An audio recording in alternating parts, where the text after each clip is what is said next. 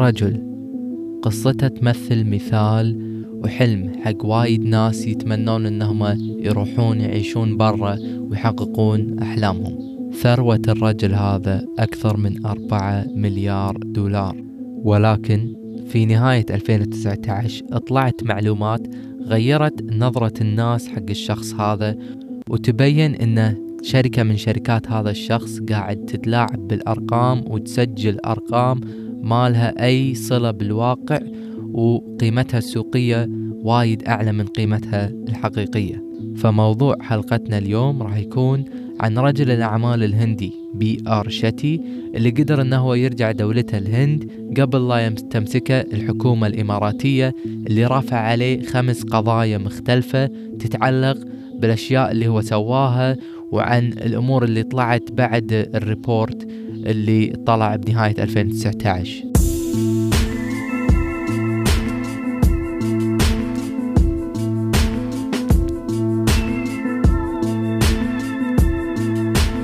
السلام عليكم وحياكم الله. بثامن حلقة من برنامج دينار أزرق. معاكم محمد أمان. وقبل لا أني أقول لكم اللي صار ب 2000 نهاية 2019 والحين ما زال قاعد يتطور لازم نرجع ونشوف شلون هذا الشخص بنى نفسه وصارت آه، ثروته أربعة مليار دولار. شتي انولد بسنة 42 بالهند نفس ما قلنا يعني الحين عمره 77 بعام 1973 وصل حق أبو ظبي وكان معاه ثمانية دولار. ثمانية دولار وجنطة. ويقول إن الجنطة انباقت من البداية. وصل هناك وكان معاه شهادة صيدلة وكان وده إنه هو يشتغل بالقطاع الحكومي ولكن ما قدر إنه يحصل وظيفة لأنه ما كان يعرف عربي. فبلش شغله كمندوب يعني مبيعات وكان يبيع أدوات طبية. حق ناس ويطلع برا ويروح ويسوي شغل آه، نفس هذا. وبعدها ب 1975 بلش أول بزنس له اللي هو كان نفس عيادة صغيرة ما فيها بشقة غرفتين ما فيها إلا دكتورة واحدة وهذه الدكتورة كانت زوجته. وكان شخص آه، شتي يشتغل ويتعب فالعيادة مالته بسرعة كبرت وتطورت لأنه يهتم بالتفاصيل ويحاول إنه يوفر أفضل خدمة وآخر التكنولوجيا اللي موجودة بالمجال ويجيبها عنده. فهذا كان مشروعه الأول اللي تطور وصار NMC New Medical Center اللي يعني ما زال موجود الحين بالإمارات وهو اللي تطور وصار الشركة آه، اللي بعدين خسرت الخسارة هذه وطلع إن فيها تزوير. ولكن بوقتها كانت الأمور ماشية والكل آه، حاب التطورات اللي قاعد يسويها هذا الإنسان ويلفت الانتباه.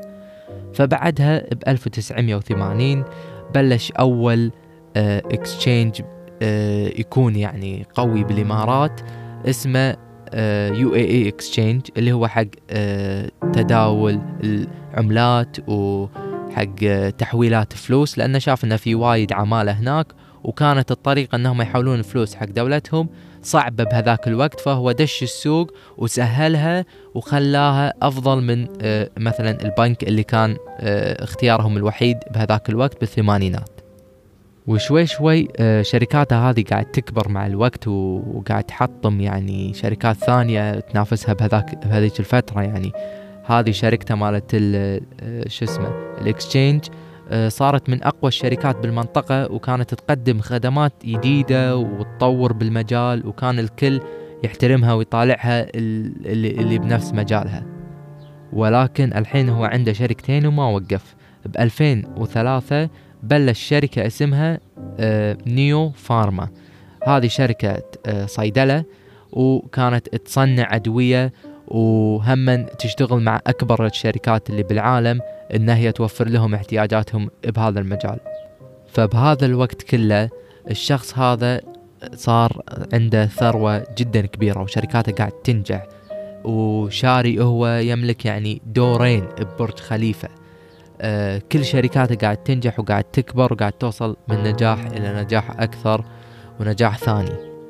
فيعني لحد الحين القصة هذه قصة نجاح قصة إنسان بدأ من ولا شيء ووصل صار ملياردير. قصة تعطي أمل حق وايد ناس. ولكن ب 2019 نهايتها تويتة واحدة بس تويتة واحدة قدرت إن هي تبلش سلسلة الأحداث اللي أدت إلى انهيار سعر سهم. هذه الشركة بطريقة مو طبيعية بخلال فترة جدا قصيرة.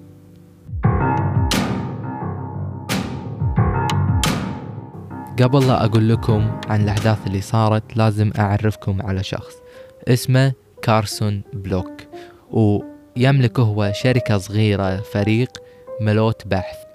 الشركة هذه وهو هذا الشخص يسوون بحوثات عن شركات وعن عن أحداث قاعد تصير ويستنتجون آه، نفس آه، نتيجة يعلنون عنها كل فترة وفترة إن هذه الشركة مثلا آه، قيمتها أعلى من قيمتها الصجية فلا تستثمرون فيها أو شيء كذي. وما حد يهتم يعني بشركة صغيرة كذي لكن ب 2017 طلعوا خبر عن شركة وفعلا الشركة هذه يعني خسرت مليار دولار بفترة جدا صغيرة بعد ما انه طلعوا المعلومات إن هذه الشركة ترى قاعد تزيد أرقامها ولا قاعد تغش المستثمرين بطريقة آه، معينة. فتاريخ هذا الشخص عطاه شوي مصداقية وعطاه شيء يثبت انه هو عنده خبرة وممكن الناس تسمع توقعاته وبدأوا الناس يهتمون. لأن نفس ما قلت شركات كبيرة ومستثمرين ووايد ناس ما كانوا شايفين هذا الشيء اللي هو توقعه وقدر إنه هو آه، يوصله ويكتشفه. فبشهر ثمانية ب 2019 هذا كارسون نزل تويته قال أنا آه، الريبورت الجاي راح يكون عن شركة موجودة بسوق أسهم لندن وفيها شيء يعني بالمحاسبة مالها انه في شيء غريب و آه، غير تقليدي. ولاحظ شيء صار بعد آه، يوم ولا يومين من آه، إنه هو نزل التويته هذه. الشركة اللي كان يقصدها هي NMC صاحبها شتي. وبخلال يومين لاحظ إن سعر سهمها نزل بطريقة غير طبيعية. فهو هالشيء أكد لأنه هو كلامه صح. هو للحين ما قال اسم شركة ولا قال شيء. هو بس قال انه بينزل report فتأكد هو أن الريبورت ماله هذا مو بس يعني شك بسيط أم أنه هو حتى كان يعني شيء آه، أكثر من ما هو يتوقع. وبدال لا ينزل اللي هو كان يبي ينزله بوقت قريب قعد ثلاثة أشهر يحقق زيادة ويتأكد ويشوف لوين واصلة هذه المشكلة وشنو ممكن يكون آه، عمق هذه الأزمة. فبنهاية 2019 بديسمبر نزل بلوك ال report ماله. وال report كان عن شركة NMC وال report هذا كشف طريقة NMC وشلون كانوا إنهم زايدين أرقامهم بطريقة جدا كبيرة. وبهذه الأرقام قدروا إنهم يحصلون على آه، قروض من آه، بنوك عالمية ومن ضمنها بنوك كويتية. ثمانين شركة وبنك يطالبهم فلوس. الفلوس اللي على هذه الشركة اللي هي ماخذتها ولما طلع الريبورت تبين إن هي مستحيل راح تقدر إن هي تدفعهم آه، قريبة من 6.6 مليار آه، دولار.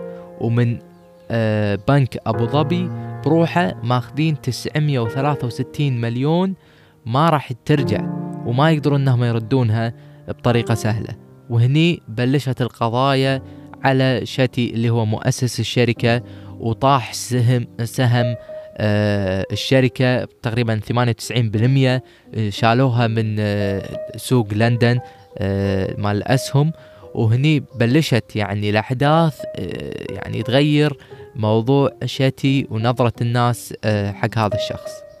فكل إداري يشتغل بهذه الشركة يا آه شو اسمه استغال أو إنه هو آه، انطرد أو آه، تحاكم.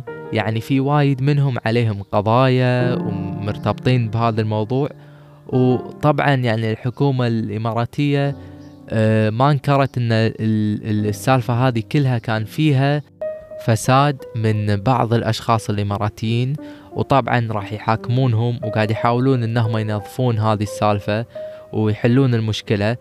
وهذا كله قاعد يصير الحين يعني. هذا الكلام شهر اثنين وشهر ثلاثة وشهر أربعة يعني. بالوقت اللي الدولة مشغولة فيه هما بكورونا آه قاعد يحاولون إنهم يواجهون هذه الأزمة ويشوفون شنو راح يسوون بان ام سي اللي الحين ماسكتها الإمارات بدال آه الشركة نفسها اللي كان يملكها شاتي يمسكوها لأن شاتي رد الهند وخل وسحب عليهم ويقول هو إنه راح يرد بعد كورونا بس ما يندرى وما عطى أي تبرير أو آه، أو قال شيء مفيد عن الموضوع انه شلون صار هذا الشيء.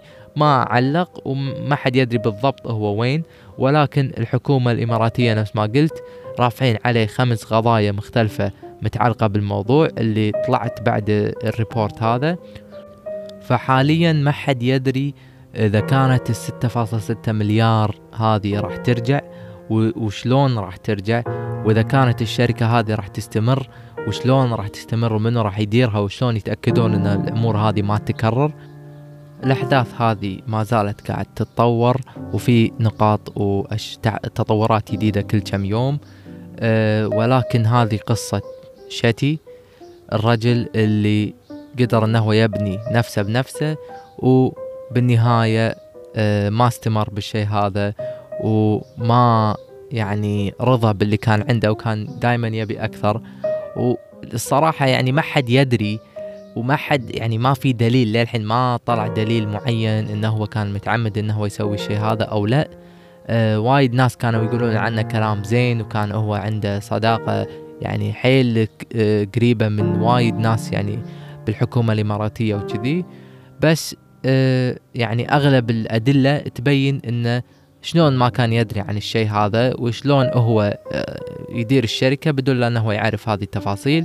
فالأغلب يستنتج أنه هو كان مسؤول ومرتبط بهذه العمليات وما راح يرجع الإمارات نفس ما يقول وراح يحاول أنه هو ينحاش من القضايا اللي عليه. ولكن هو آه، كل ثروته يعني يت من الإمارات اللي هو آه، ما قدرها ولعب فيها واستغلها وما قدر الشيء هذا. ولكن هو والناس اللي كانت ماسكة هذه الشركة كانوا يدرون إن الشيء حيل قريب إنهم كانوا ينكشفون. وهذا يبين لما بس تويتة واحدة من هذاك الشخص طيحت سعر السهم بطريقة غير طبيعية. ومعناته انه بس سمعوا انه في أمل إن الشيء هذا يصير على طول نسبة منهم باعوا اسهمهم وطلعوا من الموضوع. فأتمنى لو عجبتكم هذه الحلقة طبعا تسوون subscribe ب Apple Podcast. وإذا حابين أن أنتم تواصلون معاي عبر تويتر تتابعون الحساب أو الإنستغرام أه نفسه اسمه blue underscore دينار أتمنى عجبتكم هذه الحلقة. معاكم محمد أمان. أشوفكم بالحلقة الجاية.